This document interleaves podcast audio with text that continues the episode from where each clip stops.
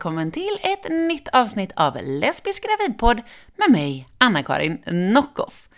I det här avsnittet så medverkar Beri, som många av er vet vem det är. Kanske inte främst för att hon har varit med i podden tidigare, utan för att hon är en grym musiker och skådespelerska. Just nu är hon dessutom aktuell i Young Royals på Netflix. Sist Beri var med så berättade hon om hur det var att vara mergravid till sin flickvän Nicole, som då bar deras barn, var i vecka 17 och hade blivit gravid på den första inseminationen. Ja, folk blir det ibland. Bland alla glada saker så berättade Beri också om en oro över att inte bli sedd lika mycket som mamma till barnet. Nu är bebisen ute. Och hur har det blivit med den saken? Hör om det och mycket mer. Till exempel om hur himla liten han var när han kom i Beris förlossningsberättelse som kommer nu. Hej Beri och välkommen tillbaka till Lesbisk gravidpodd! Tack! Kul att vara tillbaka. Ja men så kul att ha dig tillbaka och nu har det ju hänt så himla mycket grejer. Sist vi pratade så väntade du barn och Yes. du skulle vara med i en stor produktion. Just det. Och nu är ju bebis här, produktion ute. Ja. Ja, sist du ringde så var vi i Malmö Ja och repade ju, minns jag nu, eh, inför liksom en... Och det var också mitt i pandemin. Jag fattar liksom inte vad som hände där. Men Nej. vi höll ju på att spela där på Malmö konsthall med en pjäs. Och då var Nicole med. Och då var vi, låt mig tänka nu, hur många månader gången var hon? Vecka Shit, 17. det här är inte- Va, du vet det? Ja, ja, ja, jag gjorde en Men ditt jävla proffs. Mhm. Ja, jag vet, jag vet. Att någon har koll. Shit vad proffsigt. Okej, ja men vecka 17 var hon då. Ja, och nu är ju han eh, eh, sju månader. Ja. Så det, tiden har verkligen eh, flugit, känns det som. Ja, jag kan förstå det. Och jag vet typ inte riktigt vilken ände jag ska börja nu här, men jag tänker eftersom vi eh, kommer ju fokusera på bebis här, eftersom det fortfarande ändå är en barnpodd. Yes. så därför så Ja. börjar vi med produktionen, och det var ju alltså Young Royals på Netflix. Ja, precis. Hur sjukt typ- stort är inte det? Nej men alltså det var helt sinnessjukt. Det var helt sinnessjukt och så kul att få liksom rollen för vi, vi kom liksom så bra överens så vi liksom castades tillsammans. Ah. Vi som blev den här vänskapstrion i serien. Ah. Ehm, så alla våra auditions var liksom ihop. Ah, Så vi hann ju liksom typ bygga upp någon slags vänskap på riktigt också. Och ni blev ett kompisgäng. Ja, Ja. ja men typ. Det skulle jag väl ändå säga. Som trivdes jävligt bra ihop och jag tror att det väl syntes också. Ja, verkligen. ehm, genom skärmen. Ja. Så det var en väldigt rolig sak att göra. Men också krävande. Alltså jag menar, det är ju jättetidiga morgnar, sena kvällar, jättekallt väder och, och så vidare. Men ja, man blir ju verkligen behandlad som en, alltså en royal. Royal. Ja. när man är där på set för att alltså, de ser till att man aldrig fryser, man har liksom värmekuddar i fickorna, man har liksom allt man behöver egentligen. Sen kan inte de rå för att det är så jävla kallt i Sverige. Nej. Men allt som allt så kul eh, och så roligt att den är ute nu och den responsen den har fått. Ja, men, Eh, men det är ju så sjukt inte. bra. Ja, och jag tror inte någon av oss hade kunnat förvänta oss. Alltså vi hade liksom inte tänkt så här långt tror jag. Nej. Så det är ju bara allt som kommer jag tacksam för. Ja, så har man inte sett den så måste man ju helt enkelt se den. Ja, och jag har också hört se att det ska nu. komma en eh, säsong två. Ja, de bekräftade det eh, förra veckan tror jag det var. Är du med där också? Det vet jag faktiskt inte. Och Det det, säger jag jag inte bara för att leka lite så här Nej. cool och inte säga, utan jag vet faktiskt inte. Jag, jag vill anta Ja. att jag är det. Men jag tror väl typ, jag vet inte riktigt hur de här processerna går till. Men jag tror väl att när Netflix köper in en andra säsong, då har ju de köpt in manuset. Och sen så måste ju alltså författare hitta ett team som ska jobba med filmen. Så en regissör, en liksom ett filmteam, vilket produktionsbolag som ska jobba med det här. Eh, och det kan ju vara så att de väljer samma som förra gången. Men jag tror också att det kommer vara... Man kan liksom inte börja förhandla med oss innan man har ett team. Nej, jag förstår, jag förstår. Eh, men sen så tror jag såklart att huvudcasten är nog klar. De eh, har nog redan fått bekräftat att de är med, Ja. eh, huvudrollerna. Men de vore ju galna om inte du skulle vara med också. Du är Ja, i princip huvudroll skulle jag säga. Ja, ja men det känns... De borde ha med mig faktiskt. Va, faktiskt. Jag kan skriva in ett mejl och um, föreslå det. Sitter på en oerhörd makt. Ja, ja, ja men jag, jag tycker också att du gör det, så det är bara jag kör. ja, jag kör. Jag fixar det. Jag fixar det. Bra, Då ser vi dig i nästa säsong också. Bra. Du, du löste det där. ja, ja, ja. Bra. Ja, Men vad kul att responsen har varit eh, så bra också. Ja, verkligen, verkligen. Ja, Så kul och verkligen typ att eh, jag var ju ändå borta från, ja men hemifrån under den tiden och, och jag missade ju faktiskt ganska mycket eh, ja, men ultraljud och, och, och läkartider och så för att jag var och spelade in. Så på något sätt, inte för att man alltid måste få något för det utan jag hade ju ändå tackat ja till det Ja. eh, för att jag ville göra det. Men det känns ju bra när man får respons för någonting man har alltså, gjort upp- uppoffringar för. Så på, på så sätt så, så är man ändå extra, lite extra så tacksam för att fan, det var inte för ingenting. Liksom. Så den grejen känns jättebra. Eh, så jag fick liksom vara med på Facetime på så ultraljud och sådär. ah, Eh, och fick bara förklara typ för teamet att eh, för då Ja. hade inte vi gått ut med det än. jag har en liten grej bara. Nej, jag, ska bara, jag, måste bara, jag måste bara ta det här. Eh, Men det gick ju bra. Och jag tror faktiskt under den tiden, nu vill jag minnas att man ändå inte fick vara båda föräldrarna Nej. inne på hos läkaren. Utan att det ändå hade varit att man får återberättat för sig sen. Ja, men då Eh. blev det ju typ som, som det var för alla andra, förutom Ja, att du var på ja. en lyxig Ja. inspelningsplats också. Exakt. Och att jag hade varit borta då sedan fyra på morgonen. ja, exakt. Ja, precis. Men var du med någon gång på eh, MVC hos oss sen efteråt, eller var det liksom Facetime? Nej, det var. Facetime. Ja. Det var Facetime. Det, men sen var det ju på grund av restriktionerna. Ja. Eh, för att inspelningen slutade ju långt innan han kom. Men det var, det var Facetime som gällde. Eller så om det var lite dålig uppkoppling där inne. Så oftast fick jag bara vänta i bilen och, och så berättade hon allt sen. Men det gick bra. Alltså faktiskt så kände jag inte... Det finns ju någon tröst i att man är flera som sitter i samma sits liksom. Det var inte någonting som specifikt var just vi Nej. blev utsatta för. Utan så här var det ju för alla. Eh, I Stockholm i alla fall. Ja, så himla tråkig grej. Eh, Usch, så Ja, trött på den här verkligen. Ja, men jag, vi bara sa det typ att så här, shit, om vi skulle liksom köra igen, Ja. sjukt att bara kunna vara med på allt. Alltså, så här, jag ska bara få följa med på allt. Det, är, det, är en, det blir som en ny upplevelse igen. ja, verkligen. Så ja, 2.0. Men Ja, hur, hur var det då liksom eh, på första ultraljudet när Ja. du fick se honom? Hur kändes det? nej men det alltså, det var ju så sjukt. Man hade ju väntat till den här vecka 13 som var så läskig ju. Ja, Och så när vi var över det så, jag tror vi fick ett, nej jag vet inte om vi fick ett tidigt ultraljud. Jo, jag tror vi bad om ett tidigt ultraljud och fick det. mm. Och för att kolla att allt stämde. Och det gjorde det. Och om jag minns rätt så var det kliniken i Danmark som hade sagt att, eh, ja, att man kan göra det. Att man ja, kan ta tidigare bara för att se att det har gått bra, att det har fäst liksom. ja, Eh, även om gravtesterna visade positivt så, ja men bara för att vara på den säkra sidan. De vill ju typ också ha sin statistik. Så de vill ju gärna veta hur det hade gått. ja, just det. Ehm, Ja, det var ju så skönt att eh, man kunde referera till det, ja. Det kommer jag ihåg. Ja. Jag fick också ett så tidigt. Ja, Eh, exakt. Bara, ah, nej men de vill se. Eh, det är de som vill se, det är Ja, som vill se. exakt. Jag har inget så stort intresse eller så, men de vill gärna veta. Ja, jag mig inte.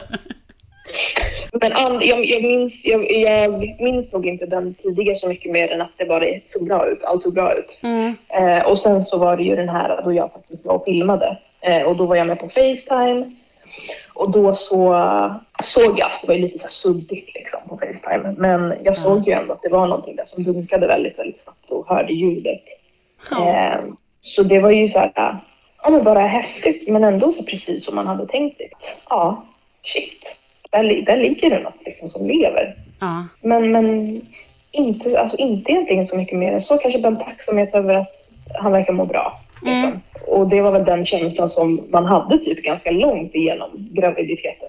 Bara en tacksamhet över att han verkar må bra, att han verkar alltså, leva där Ja. inne. Så ja, det var liksom, så minns jag ultraljudet. Ja. tacksamhet typ. Men, och hur var liksom resten av graviditeten sen? Hur mådde Nicole? Hur mådde Alltså du? till en, början, till en början mådde Nicole ganska dåligt faktiskt. Hon, fick inte, hon var inte så här, äh, det finns ett ord för när man styr hela graviditeten. Mm. Men så var det inte, utan det var Nej. nog bara ganska så normalt. Men första veckorna var det illa. Hon mådde väldigt illa och, och spydde inte om dagarna riktigt. Men den här, det här illamåendet gjorde ju att man inte riktigt kan göra något. Ja, Eh, utan hon var väl hemma för det mesta, sängliggandes. Men sen så tror jag det släppte precis. Vi hade också laddat ner de här apparna. Ja. och precis när det stod att ja, men åtta till den här veckan så brukar det gå över. Och det gjorde det faktiskt. ja Eh, så det var jätteskönt. Så efter det så ja, betedde vi oss nog ganska normalt tror jag. Vi höll ju, vi själva fick ju veta att vi väntade barn. Ett för att vi ju hade gjort det medvetet. Men två, eh, när vi fick det bekräftat i graviditetstestet så sa vi ju inte direkt till familj utan vi ville ändå vänta. Och då så sa vi till syskonen först och sen till föräldrarna lite så utspritt. Och ja, men det här tror jag vi pratade om sist också, bara deras reaktioner typ. Ja, ja, men det gjorde vi. Eh, men det var ju skönt sen att faktiskt vara ute mer och typ bara kunna vara normal. Och gå på alla de här bjudningarna liksom, och kunna vara hemma hos familjen utan att känna att man döljer världens bisarra grej. Liksom. Nej men sen fortsatte som vanligt, hon mådde bra. Började väl få när hon blev ja, men lite större så var det mycket ryggont, hitta en rätt position att sova i. Ja. Mycket massage varje kväll, mycket liksom så här fotmassage, stödstrumpor Ja, hela kittet egentligen. Och vi körde också, vi försökte hitta allt mot illamåendet. Sådana här armband, Lergigan tror jag man skulle lägga, och komp tror jag det heter, som man kan ta mot det. Eh, Så vi testade egentligen allt, men det, det, det gav sig till slut. ja, skönt. Men var det något som Eh, funkade mot illamåendet? Alltså, ja, jag vill väl säga att jag vill minnas nog att Lergigan funkade. Ja, Om jag inte ljuger nu. Det kan ju ha varit senare. Jag tänker kanske på... Nej, men det var nog Lergigan som funkade. ja, Eh, men också typ att bara chilla så mycket som möjligt. Alltså bara typ ta det lugnt. ja. Eh, för vi var också så ganska så aktiva och åkte bil mycket och jag tror att just bil, alltså bilåkande funkade inte. Eh, det var liksom det värsta man kunde göra just under den tiden. Så vi tog det lugnt mycket. Mycket vara hemma, mycket ta det lugnt. Ja, det låter vist. Ja, Men, verkligen. men hur märkte ni sen då att, ja men okej, nu är bebis på G här? Han kommer Ja, alltså jätte, egentligen världens konstigaste så här, äh, ordning på allt. Vi eh, bodde ju i en studentlägenhet först Mm. och sen så fick vi faktiskt ett förstahandskontrakt som vi hade skickat in en, en intresseanmälan för typ ett halvår innan och så hade vi inte hört någonting från hyresvärden. Nej? Så vi, vi räknade inte riktigt med den. Men så bara får vi ett mejl där, eh, där det står att nu har jag fått en ledig lägenhet här. Oj, grymt. Eh, typ så ni, om ni vill ha den så är ni välkomna att komma och titta på den och, få nycklar och sådär. Och vi bara shit, okej fan det här kanske blir bra ändå liksom. För vi hade så här, det var en sån här studentlägenhet med loft. Så det var en väldigt, väldigt så här, smal trappa upp och ner till Ah. själva sängen. Och vi tänkte hela tiden hur fan ska det här gå på nätterna liksom. Så här, om han vaknar eller så här, vi måste ner och fixa ersättning om vi nu skulle ha det och liksom bara att gå med honom i de där trapporna kändes så långt bort och typ läskigt. Men i alla fall, vi fick lägenheten. Kom hit, tittade på den, var nöjda med den, fick nycklarna eh, och började typ smått renovera lite grann för vi ville måla om och det var tapeter som vi inte ville ha och sådär. För det var ändå några rundor till, eh, jag vill säga Bauhaus, stämmer det? Det kan det, det kan det göra. Ja, men det kanske var Bauhaus? Jag vet att det var mycket i alla fall, att det blev mycket, mycket man skulle köpa. Men vi stod här i alla fall. Så fort jag var klar från jobbet på teatern så åkte jag hit och då hade Nicole stått här. Så vi stod här i mörkret liksom och, och rev tapeter. Och så någon kväll var det där hon och hennes bror hade varit här under tiden som jag var på jobbet. Så jag kommer och joina dem och ska riva tapeter och då säger Nicole att hon är lite trött. Så jag kör hem henne efter ett tag och så glömde jag att jag skulle ha eh, tagit med mig en lampa till nya lägenheten. Så jag åkte tillbaka till Nicole hemma i, i studentlägenheten och då så är hon i dusch. Jag hör att hon är liksom i badrummet men det låter inget. Så jag tänkte så här, uh, vad är det som händer? För det verkar som en så konstig tystnad. Det är inte typ en prasseltystnad att man liksom håller på med något utan Mm. det var bara tystnad. Och jag bara, eh, babe, typ. Aha. Hon bara, eh, ja, eh, jag tror mitt vatten har gått. Jaha, oj. Och jag bara, va? Och så öppnar, jag bara, få se, få se, få se liksom. Mm. Så öppnar hon dörren och eh, då ser jag liksom att det har droppat där. Eh, och att det liksom är lite så här rinn från benet. Och jag bara, men vadå? Hon bara, alltså jag kissade och så ställde jag mig upp. Och så var det som att jag kissade igen. Men jag hade liksom kissat klart. Ja. Och jag bara, okej. Jag bara, men vadå är det här? Är det här vattnet? Liksom, vi så stod och så här, jag försökte liksom så pilla och röra på det för att se så här, vad är det för konsistens på det här liksom. Ja. Och jag kunde liksom inte avgöra, det var bara så här konstigt för det här var ju, han var ju beräknad den 11 april. Eh, och det här var då i, den 5 mars går vattnet. Ah, okej. Typ Eh. över en månad innan då? Precis, Ja. precis. Och då så åkte vi in eh, och brorsan, eh, hennes brorsa får ju vara kvar här liksom och fattar ingenting. Han undrar vart fan vi tog vägen. Men vi åkte i alla fall raka vägen in eh, till SÖS och eh, hon får gå in för då är det ju som sagt restriktioner, jag får inte följa med in.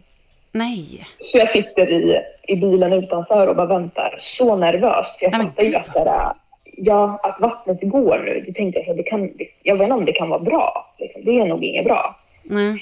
Men de bestämmer sig för att eh, ja, de tar ett eh, så här tillväxt ultraljud på henne. Mm. Och då visar det sig att han är väldigt, väldigt liten för sin månad. Mhm. Eh, så de ger oss en uppskattning på hans vikt och då tror jag att de säger att han väger typ 1700 någonting. Oj, så liten! Eh, ja, så vi bara what the fuck är det som har hänt där inne? Ja. Eh, för att det har ju känts normalt. Han har sparkat och varit jätteaktiv där inne i magen. Liksom. Så vi fattade ju noll. Mm. Eh, och de var ju också oroliga på grund av det och därför så blev de tvungna, eller de, de, de la in henne Ja. eh, på antenatalen. Och det de kunde konstatera då är att hela vattnet har inte gått utan att det sipprar. Eh, Mm. Så det är vattnet eh, som håller på och rinner men det är liksom inte fullständigt. Och då oftast när det sipprar så kan de inte säga, för är den fullgången, alltså att vattnet har gått helt, då måste de ju ta ut barnet inom 72 timmar tror jag det är. Mm. Eh, för att barnet klarar sig inte annars. Eh, men när det är så här lite som sipprar ut så klarar sig barnet där inne typ så länge som den själv vill. Eh, om det inte skulle hända någonting sjukt. Nej, gud så Eh. nervöst. Ja, som fan. Så jag satt ju bara där i bilen liksom typ. Hon, när hon sa att hon skulle bli inlagd också, att han var så liten så jag vart ju liksom så här paralyserad typ.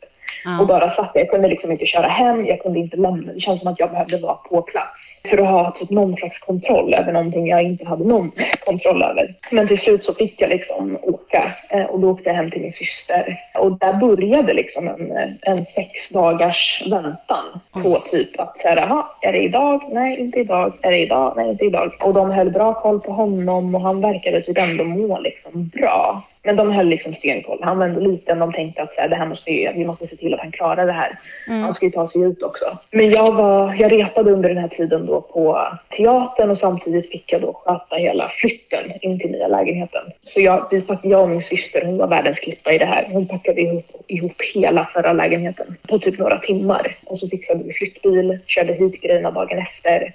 Tog hit typ några som min syra kände som målade om hela lägenheten. Eh, och allt det här Oj. var alltså, inom loppet av fyra dagar. Herregud. Eh, ja, så jag fick liksom göra allt jobb efter jobbet. Eh, så man hade så himla så minimalt med tid där man kunde fixa saker, men, men vi fick det gjort. Liksom. Mm. Det kändes ändå viktigt som att sovrummet och hans säng och så där skulle vara klart. Och det, det blev det. Så vi hade liksom allting som vi behövde och han behövde. Men sen så hade jag liksom, det var ju typ, jag fick ju ha ljudet på hela tiden på repetitionerna. Bara ifall att hon skulle ringa och säga det att nu, nu får du komma. För som vi förstod det så var det att jag får inte vara där under tiden men skulle hon börja få verkar Mm. då får jag komma direkt. Och då så ringer hon mig då natten till den 10 mars. Ja. Så får jag ett samtal där vid fyra, tror jag, fyra på morgonen, fem på morgonen. Där hon säger att eh, ja, du, hon är så, här, så jävla konstigt lugn. Och bara, ja du kan komma nu. Och jag bara, va? Vad fan menar du? Vad menar du? Vad är det du säger? Nej men du kan, eh, ja men det, du får komma nu. Så här, eh, det, det är nog dags snart. Och jag bara, du vet, det bara vred sig i magen liksom. Och jag bara shit, shit, shit, fokus, fokus, fokus liksom. Försökte få med mig det viktigaste. Så jag klädde på mig och bara drog eh, från min syster till SÖS. Och Nicole sa det att här, det är fan inte så god mat här. Kan inte du köpa någonting från en mack typ? Så jag bara, jo, jag löser det, jag löser det. Jag körde fel typ en kvart. Eh, och fick vända tillbaka till den enda macken jag visste vart den låg. Gick in där, köpte lite så frukostmackor Ja. och typ någon juice typ och, och något. Sen så åkte jag in där och fick säga det. att, Ja, jag eh, ringa på klockan och säga att ja, men min partner födde där uppe. Mm. och så blev jag insläppt. Eh, och så när jag kom in då så, så verkade läget ändå vara typ under kontroll. Hon hade lite så här verkar, förverkar. Eh, men det var inte de här grova, grova verkarna. Utan hon var liksom precis i början av, av det. Eh, och då hade hon tydligen haft så här, ja, men lite verkarbete under, ja, men tidigare under natten. Så har de liksom hållit på och så har de beslutat sig för att nej, men nu, han kommer komma nu. Liksom. Så vi måste ta oss till ett sånt förlossningsrum. Liksom. Ja, men de var väldigt så. Jag tycker de var väldigt bra, informativa ändå om vad som hände. En ganska så, så här, barsk läkare som var väldigt så, ja men hon, hon visste ju vad hon gjorde. Hon visste ju vad hon höll på med liksom. Men hon använde sig lite av den här skrämseltaktiken, typ att så här. Ehm, jo, men lite typ så här skrämde upp typ för att så här, ja men han, vi ser att typ hans, när du får verkar så verkar det som att hans puls går ner.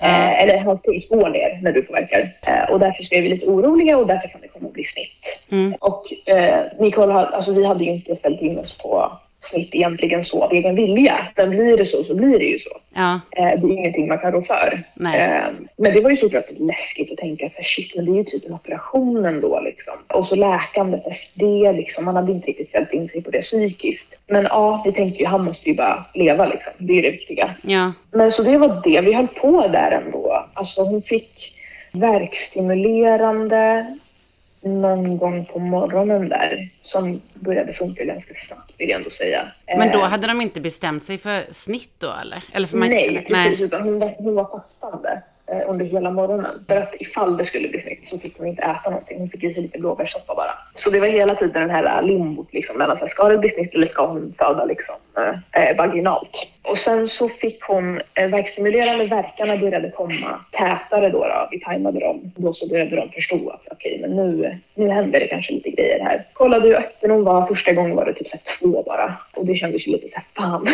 Ja. all den här smärtan för två jävla centimeter.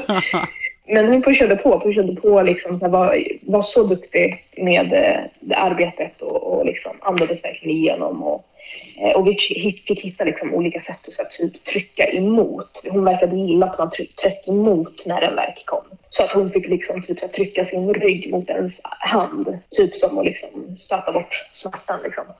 Eh, Så det verkade funka och typ så hade hon, en av eh, sjuksköterskorna visade en punkt man kan trycka på mellan ögonen, mitt i pannan typ, som ska vara avslappnande så att man typ inte spänner sig. Så det körde vi också, det verkade funka. Och sen så eh, sa Nic- Nicole var ganska tydlig och väldigt snabb med att säga att hon ville ha epidural. Eh, som narkosläkare, det känns som att hon kom på typ en minut och var väldigt snabb eh, och skulle börja då, då. Och epiduralen är typ det Nicole har varit mest rädd för under hela graviditeten. Ja. Hon har typ varit okej med tanken om att jag ska trycka ut en bebis liksom. Men epiduralen var det som var nojigt liksom. ja, men jag Eh, fattar. bara- Ja, men bara Stor så tanken av att man ska ryggen. in där liksom. Ja. Ja, det känns bara så, himla konstigt typ. Och hon testade då första försöket, den här narkosläkaren. Och då, då började liksom Nicole typ alltså spy av, av smärta.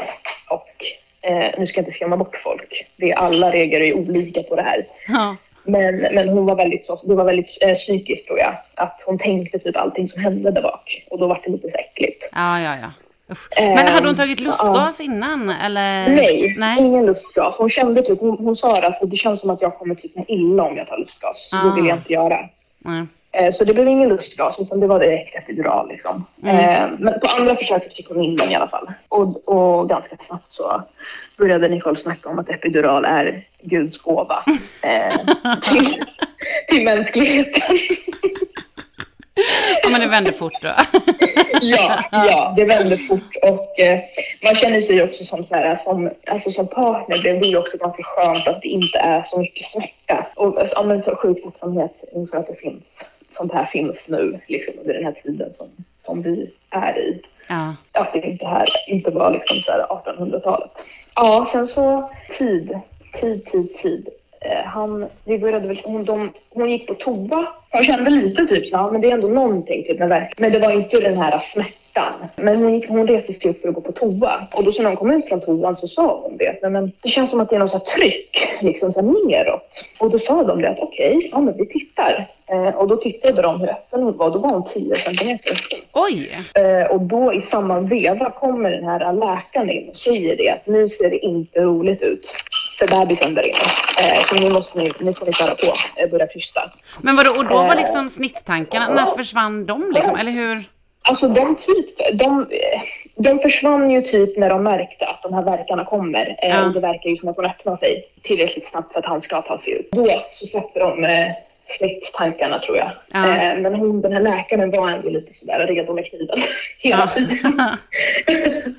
och sen så 10 centimeter, de ville testa en position och då så sa den här läkaren att det finns, det finns liksom ingen, ingen tid för att testa något utan nu får ni köra bara den vanliga, tror jag hon sa inom citationstecken då, då, då det är liksom på ryggbenen upp som vi egentligen har ja, men jag, vi har läst på om det och det är egentligen inte den bästa för liksom, kroppen. Nej. egentligen. För att man tar mest skada då tydligen. Men eh, då så började hon liksom krysta och jag vill minnas att det var tre kryssningar och sen så säger läkaren att kommer han inte ut nu så måste jag klippa dig. Oh, nej men gud, sånt hot! Ja, det var så hotfullt verkligen. Ja, verkligen. Och då kommer en av, en av liksom, eh, barnmorskorna kommer upp till Nicoles öra och säger bara det att så här, en, alltså trycker du en gång till ordentligt med allt du har så kommer han ut. Hon ska inte klippa dig. Så hon bara ger allt hon har och ut kommer ju någon, någon slags varelse. Mm. Som är vårt barn. Hon var liksom den minsta, den minsta man har sett. Oh mindre än jag någonsin hade kunnat tänka mig. Liksom. Ja. Och, och, så plötsligt bara så var han ju där. Och var så liten och jag bara, vad fan. Men det, det, man, man, kan liksom inte fatta att det här har hänt precis. Vi är i den här situationen just nu. Du har precis fått ut vårt barn och nu är han här. Och frisk. Tio, tio fingrar, tio tår. Ja. Allt ser bra ut. Han är väldigt liten men allt verkar se bra ut. Han ger, ger ifrån sig något slags pip. Ja. Jag skulle inte kalla det för skrik men Men ett pip i alla fall. Och de väger och liksom så här, gör rent lite grann och så testar de om de lägger, lägger honom i hennes bröst liksom för att se om, om, om han nappar liksom. Och de, de ligger lite så och sen så får jag ta över hud mot hud medan de typ fixar, och, eh, fixar med lakanen och så.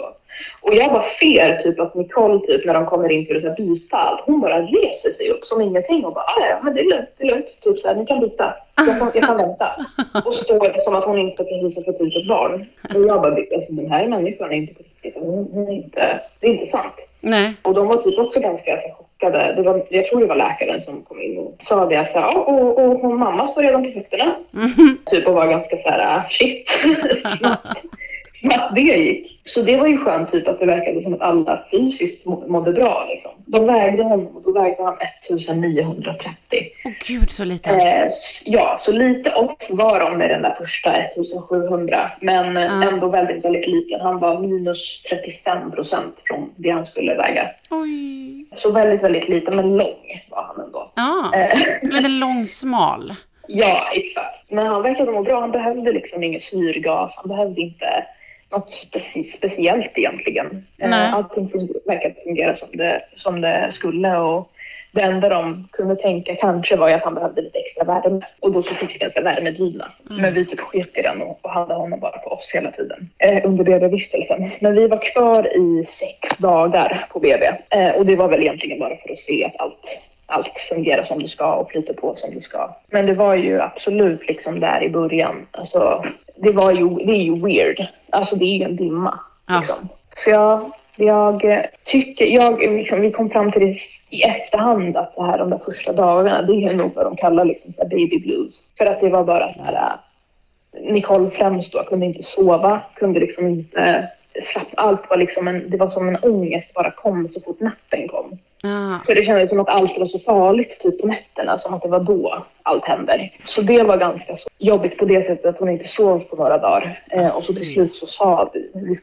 alltså vi hade Lergigan med oss som ju också fungerade som ett lugnande. Så sa jag bara, men alltså nu får du ta en och sova. Det är nog lugnt liksom. Du har ju, för hon hade pumpat ut så vi hade mjölk till honom och sådär. Så hon sov en natt Och jag tror det var nog bra faktiskt.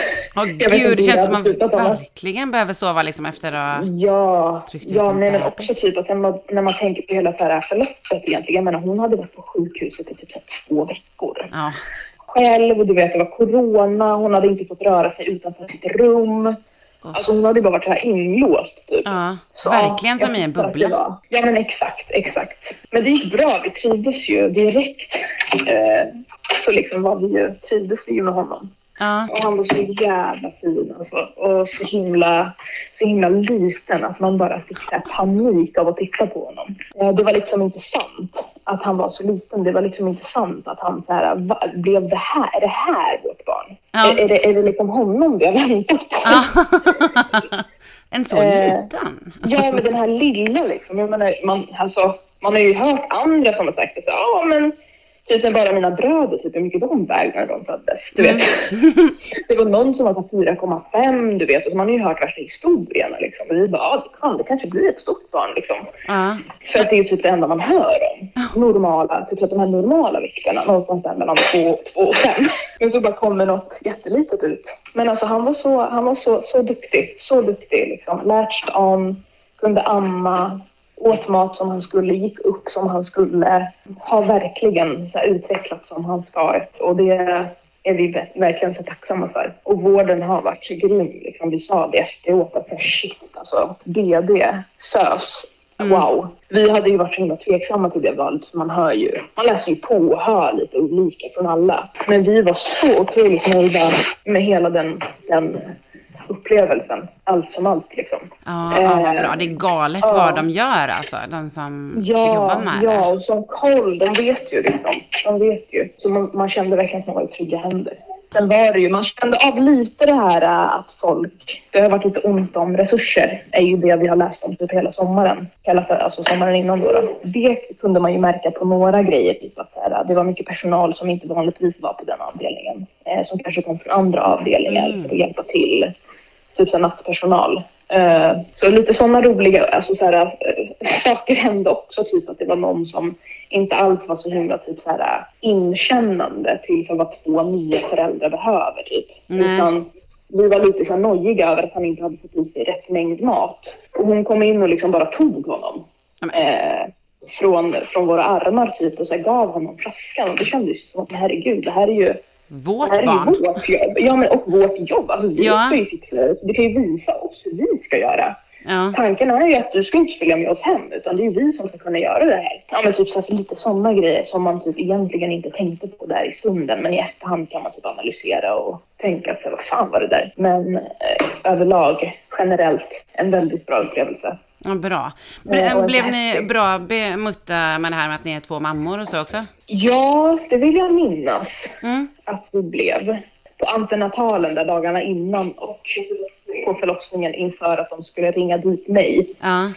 Så antog de ju att så här, men du kan ringa din man nu och sådär till varenda, person, varenda personal. Men gud, hur svårt ska det vara att säga det. partner? Nej men jag vet, alltså det, är så här, det handlar om så lite så här, ändring i språk. Ja. Att inte, jag fattar inte varför man inte bara gör det. Nej, särskilt också på ett sånt Nej. ställe.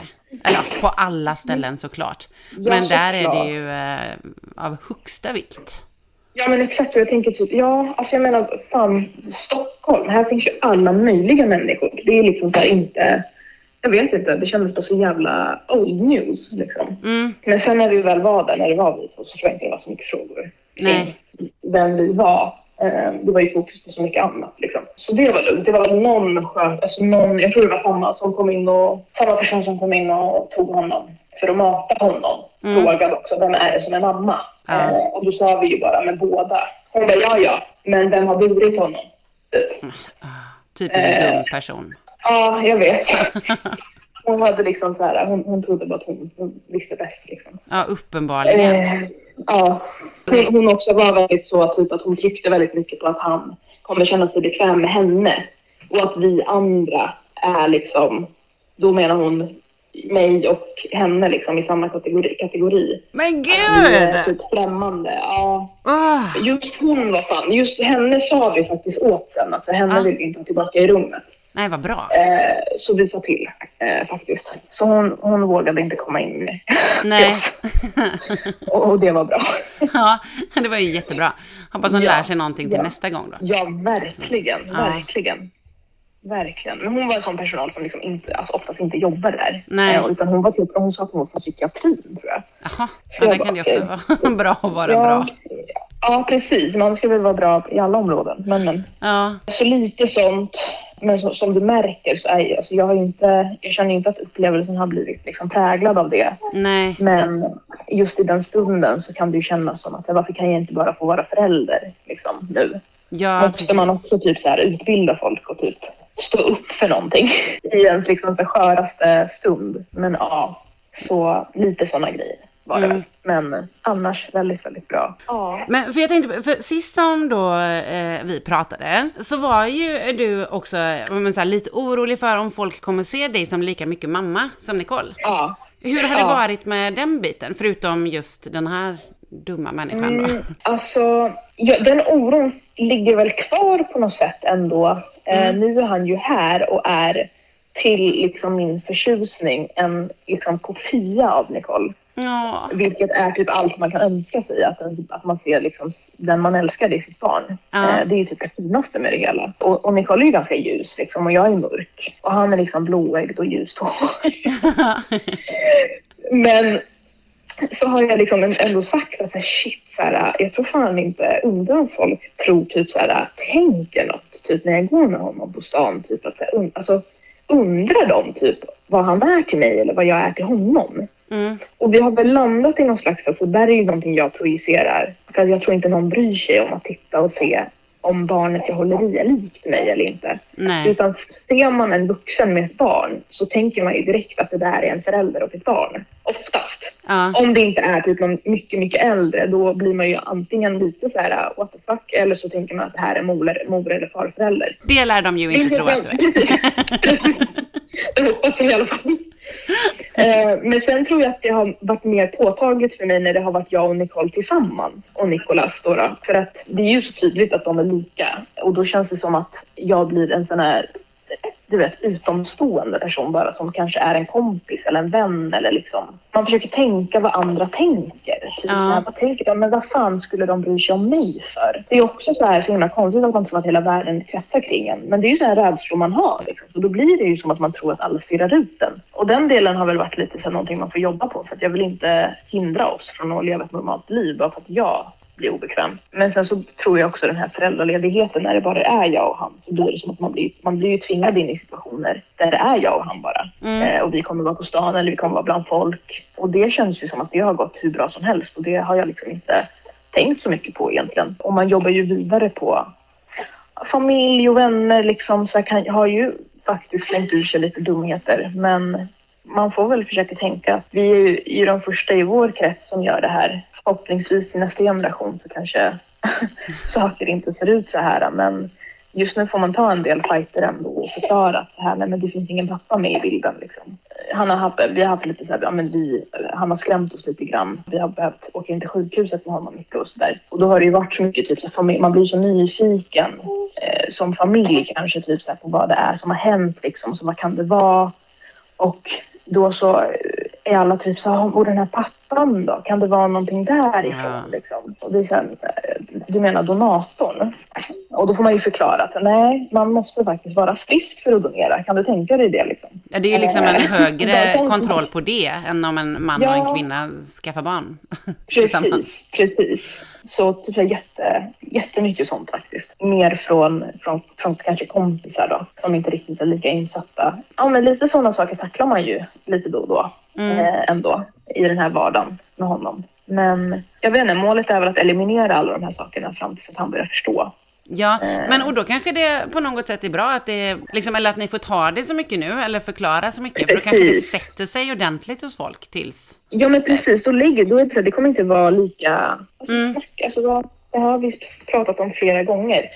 Och eh, jag tror inte att någon tänker att de vill provocera oss. Eh, därför tror jag att förklarar man bara och det sätter sig i huvudet på folk så kan man gilla läget. Och sen så är det ju så tydligt liksom. Han är ju så himla bekväm med oss. Han trivs ju så bra med oss. Men jag brukar bara tänka typ så men det finns ju inget. Det är ju bara vi. Det Alltså, menar, bara det finns ingen hemlig person, typ så här, den här donatorn är ju inte runt hörnet här. Utan det är ju bara vi. Eh, Det är ju bara oss han har liksom. Så det kommer ju vara så här vare sig folk tycker att det är rimligt eller inte så har ju inte han så mycket val utan det är ju bara morsorna liksom. Ja, ja, ja. Ja, det är ju Eh. ni som är. Och ni fick en Ja. donation liksom. Så, så Ja, ni kunde göra. Så ni kunde bli Ja, och vi har, ja, och vi har ju försökt att förklara det. Alltså så här, den här personen som har donerat, det är klart att man är tacksam för det men det är liksom, alltså vi ser det som någon som skulle typ donera blod. Mm. Alltså det är så här, ja, tack för det här liksom. Eller alltså jag menar, vi har inte grävt in mer i vem det här är som person eller liksom vi har inte tänkt att det här ska vara en person i våra liv liksom som är så aktuell.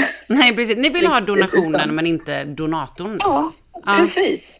Precis. Jag är med dig. Ehm, och att be- behöva liksom, eh, förklara det kanske för de äldre specifikt i familjen. De är ju väldigt så här, "Jaha, men vad, så här, vad ska han känna när han blir stor? Typ, och bla, bla, bla. Och då tänker jag, men det tar vi då. Ja, Det tar vi precis. då. Det Ja. känns inte som att det, det ska man inte lägga ner energi på nu. Och Nej. jag har inga planer på att ljuga för mitt barn. Alltså, jag kommer ju säga hur, han är skapat. Vad fan, det är ju inte så svårt att, att, att lista ut för honom själv. Men jag vill ju gärna säga det själv till honom. Ja, såklart. Eh, Så det finns ju inget, jag tänker att det finns inget, alltså, så här, det är ingen hemlighet hur två kvinnor kan skaffa barn ihop. Antingen får, man googla det så får man sitta där och fundera på, på hur det har gått till. Men ja, vi har inga planer på att ljuga om hur det har gått till. Nej, det låter smart. Det tror jag blir Ja. svårt ändå. Ja, ja precis. Det var storken. Det var Precis, exakt. Det går ju faktiskt att säga såklart. Ja, exakt. Nu är det så att det finns faktiskt en stork. Och, Det är en fågeltyp då. då. Gå in i detalj på det istället för att undvika ämnet. precis. Herregud. Men så, ja, så har det väl varit lite. Men nu börjar ändå folk vänja sig vid allt. Ja, Ändå. det gör de ju faktiskt. De flesta i alla Eh. fall. Ja, ja, gud ja, gud ja. Sen får man ju, man får ju försöka ha så extra förståelse också för typ äldre generationer på något sätt. Alltså jag fattar ju att alla kan, alla kan lära sig och alla kan läsa på. Men det kanske tar ett tag tills det blir vana, tills det blir bara att det bara är. Det kan man ju märka typ på våra syskon, våra yngre syskon, hur de har liksom hanterat hela den här grejen som att det vore ingenting. Alltså det är, ja, det är deras syskonbarn, det är inget Ja. konstigt. Men för de äldre kanske det är lite mer så eh, tills det blir en vardag. Tog det kanske lite förklaring och lite tid. Man får försöka ha tålamod helt enkelt. Precis. Även om det är precis. svårt. Ja, precis. Och även om man inte håller med om ska behöva vara så, så är det ju den här situationen vi är i. Och för att göra det så smärtfritt som möjligt för många i framtiden så känns det som att man ändå får ta den här fighten. Liksom. Det betyder inte att man håller med, Nej. men man får väl bara acceptera tills det ändras. Liksom. Men du, jag tänkte en sak tillbaka bara på, förresten, Ja. på förlossningen. Så eh, eh, sa ju då eh, du att Nicole hade sagt att hon ville ha tydliga instruktioner. Fick hon det eller? Ja. Ja, alltså grejen är så här, det gick ju så fort där på ganska många sätt när det här alltså, verkstimulerande droppet sattes in så gick det ändå ganska fort och det var också så här äh, de visste ju inte riktigt hur det här skulle gå till än Nej. eh, i och med att de fortfarande diskuterade snitt och så här. Men så fort det blev dags för att krysta Ja. så lyckades jag trycka ur mig bara till en av barnmorskorna att hon vill ha jättetydliga instruktioner så säg till henne exakt hur hon ska göra. Ja, åh, vad Eh, och, och bra. hon var bara så här, eh, hon var ja självklart, vi guidar hela vägen liksom. Och det gjorde de också. Ah. Eh, och var väldigt typ så här, eh, andades ner och var verkligen så här. Eh, Det var bra instruktioner liksom med tanke på läget liksom. Eh, de försökte också hålla sig cool liksom. Den här läkaren hade sagt att nej men nu måste han ut liksom. Nu sa jag liksom fem gånger i en mening men det får vara. Eh, Lätt hänt, sitter och skrattar åt mig. Jag fattade att det var. Nej, men jag tycker ändå, eller tycker, upplever du att det var tydliga instruktioner när det väl gällde? Ja, Ja, ja. ja det var men det. skönt. Det var det. Men, Eh, och, Så det lyckades man. Ja, ja, men vad bra. Och, men sen, du hade ju tänkt på det här med att du ville ha liksom musik och mysig stämning och bra vibes och så. Hur gick det med det? Försökte det- det du blev få med liksom- något? Sätta på någon låt? Alltså nej, tyvärr. tyvärr. Det var liksom inte så mysigt som man hade tänkt utan det var det där kliniska ljuset. Ja.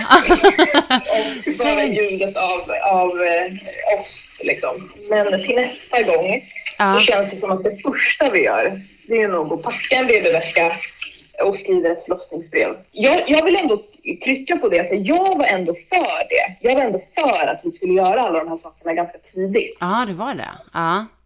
Men, men det blev väl bara inte av. Och sen fick Nej. den här lägenheten, det blev massa fix med den. Liksom, ja, Ja. Det var mycket som kom i vägen. Det hände mycket på Eh, en så gång. ja, och man räknar ju kanske inte med, även om man fattar och alla säger att man kan liksom inte planera det i detalj, för man vet aldrig. Nej. Så tänker man väl ändå typ att den kommer inte komma liksom fem veckor för tidigt. Liksom. Eller? Men det, det gjorde han. Nej, precis. Ska vi gå över tiden med första? Kanske man tänker lätt. Men... Ja, men det är det alla säger. Och var, Ja. vi var ju jättechockade över att, att shit, första ungen och han kommer tidigt. Ja.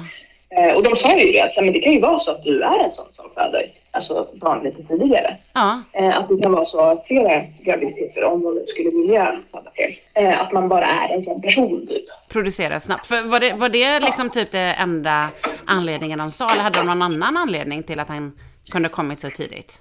Alltså grejen är den att vi typ läste på själva, för de sa inte så mycket egentligen. Nej. För att de gjorde ju alla undersökningar man kunde och det var ju ingen eh, sån här infektion. Nu glömmer jag vad, vad det heter, men det finns ju någon slags Havandeskapsförgiftning kanske? havandeskapsförgiftning. Ja. Ja, exakt. Och det var ju inget, inget sånt. Det var liksom inget annat i kroppen som var fel eller någon, någon balans, alltså något som var ur balans. Utan allt var egentligen som det skulle. De hade ingen annan förklaring än att så här, det kanske bara är så Ja. eh, för dig. Eh, men vi själva gjorde lite research eh, och det kan man ju tycka är lite så här konspirationsteoretiskt. Men det var fler som hade nämnt det. I samband med att man har haft corona innan graviditeten Ja. så har det varit många som föder barn som typ är lite mindre. Så i alla fall den grejen. Jag vet inte om det var specifikt tidigare, men i alla fall att de är mindre i storleken. Men det var faktiskt Eh. Bonnica som var med i förra avsnittet. Hon hade corona när hon var så här höggravid. Och Ja. eh, då hade hon också hört det här med att man kunde föda för tidigt. Eller hur? Ja. ja, men för vi såg någon så här, det var något, jag vet inte vad det var som, vem som hade researchat det, men det var något som sammansatt liksom, information om att det, har funnits fall nu, liksom, har de sett att eh, mindre barn eller tidigt liksom. Så vi tänkte så här, ah, men shit, det kan ju vara det. Hon hade ju inte corona under graviditeten, Nej. men, men hon hade haft det liksom inom eh, samma år, eller vad man ska säga. Så jag vet inte, kanske. Ja, ja precis. Ja, kanske. Kanske, men ja. ja, vi får se helt enkelt. Det är ju faktiskt lite nojigt att tänka typ att hon ska föda fler, att varje skulle bli så här. Ja, Men nu är man i alla fall lite förberedd Ja. på hur en sån situation kan se ut. Så det är inte bara så helt, du vet, ovetandes i det här. nu är ni är skillade. bra. Nu vi skillade, i alla fall lite. Packar en eventuell eh, BB-väska tre månader innan. Nej, jag ja, jag tycker det. Jag, jag från start bara. Från start. Ja, precis. Har den bara alltid redo. Så här frystorkad mat. Exakt. Verkligen. Ehm, Nej, det ja. Nej, men alltså, så, så att, alltså, att det gick som det gick känns ju ändå som att det har gett ganska mycket erfarenhet på hur det kan gå alltså, på ett sätt som man inte alls har tänkt sig. Och det, det, det är nog ändå bra, tror jag. Det, det är Ja. bra, nu, nu har vi det med oss. Ja, Eh, för och så är det ju med livet i ja, stort. Ja, men speciellt tycker jag med barn. Alltså, jag Ja. menar, det blir ju aldrig som man har tänkt sig. Nej. Eh, och nu har vi bara haft honom typ i sju månader, men ändå så känns det ju som att det inte... Alltså du vet, saker ändras hela tiden. Liksom. Det blir inte som man trodde att så här... Kanske inte specifikt skärmtid, den försöker vi ändå vara lite så bra Mm. på. Men man lyckas inte alltid med allt man har sagt att men aldrig, jag skulle aldrig, eller jag skulle liksom så här kommer jag vilja ha det, så här kommer jag vilja ha det. Det blir typ ändå inte så. Utan man får anpassa sig. Ja, det är svårplanerat alltså. Eller ja, det går ju typ inte att planera. Men känns det, Nej. känns det bra? Är det kul? Ja, det är Mår ni bra? kul. Ja. Jag sagt att jag rekommenderar det här till alla som kan och vill. Alltså verkligen, vi mår bra. Vi mår bra. Jag tycker att det är häftigt också. Typ, ja, men vi, vi har varit tillsammans i... När vi fick honom hade vi varit tillsammans i sex år. Och det känns ju bara väldigt så, häftigt att se varandra i en ny roll. Och det är kanske ganska klyschigt att säga, men det blir ju verkligen det. Så här har ju vi aldrig sett varandra. Både liksom skörheten som kommer med det, men också typ att så här, se varandra, alltså se varandra ta kommando, se varandra ta liksom beslut och ta, se varandra liksom ta det ansvaret. Liksom. Det är jävligt häftigt att se att shit, fan, vi kan, vi kan ändå det här. Det går ju bra. Det känns ju bra liksom. Så den, den grejen är jag ändå jävligt eh, glad för. Jag tycker att, eh, att skaffa barn var typ det bästa. Det bästa vi har gjort, faktiskt. Om man längtar till fler. ja, ni gör det? Ja, gud ja. Ja. Gud ja. Typ direkt. fortfarande, när vi fortfarande var på BB. Ja. Att så här, när, när gör vi om det här? Ja. För man lever ju, alltså det blir ju som att man lever på någon slags så här uh, high. Och den är ju så himla, ja det är ju den där bubblan. Man är ju bara hög i den. Bebisbubblan. Ja, Men vad, tror du att ni kommer försöka snart igen? Det behöver du såklart inte svara på. Jag, alltså jag kan ju säga att vi vill det. Ja. Alltså det vi vill ju det såklart. Men Nicole pluggar, ska precis börja praktisera. Jag kommer jobba nästa vår och sådär. Så det är lite frågan om bara typ när. Men man vill ju såklart. Ja. Eh, Men vi, vi vill ju också att det ska funka med själva livssituationen utan att man liksom blir ruinerad. Så vi, inte, vi vill inte vara för så här ivriga. Men viljan finns och vi vet ju vart vi tänker att vi ska vända oss när det är dags. Så ja, det är väl så vi tänker just nu. Ja, ja. Får se vad som händer då helt enkelt. Precis. Vi kanske precis. snart är med igen. Ja, men exakt. Baby number two. Ja, precis. Då får vi ta, ah shit, då får vi se. Spännande. Spännande om det skulle bli så. Ja, det kommer bli en följetong med dig. Inför, Precis. efter, inför, efter. Jag är liksom ett helt kapitel i podden, jag är inte bara ett avsnitt. Ja, bra. Jag ser fram emot att ha med dig igen. Ja, vad kul. Det är så roligt att vara med. Ja, men eh, det är så kul att ha dig med tycker jag. Ja, men tack. Berit, tack så hemskt mycket för att du har varit med här igen. Ja, men tack själv. Så kul att vara med. Och Ja, hälsa Nicole och Nicolas så mycket. det ska jag göra och de hälsar tillbaka. Tack. Tack. Hej då. Ta hand om dig. Ha det bra. Ha det bra. Beri. Ja, hon är ju bäst alltså. Förhoppningsvis så är hon också med snart igen då. Jag längtar så efter att få göra intervjuer som inte är över telefon. Jag är fullt medveten om att ljudet inte är optimalt. Jag hoppas att vi går mot ljusare tider med mindre pandemi i sikte av många anledningar i och för sig.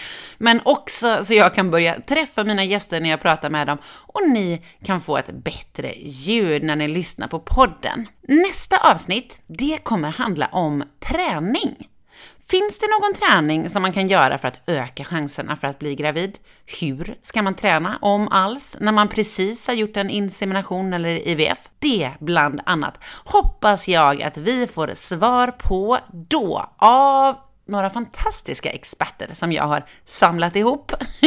Tills dess, ha det bäst.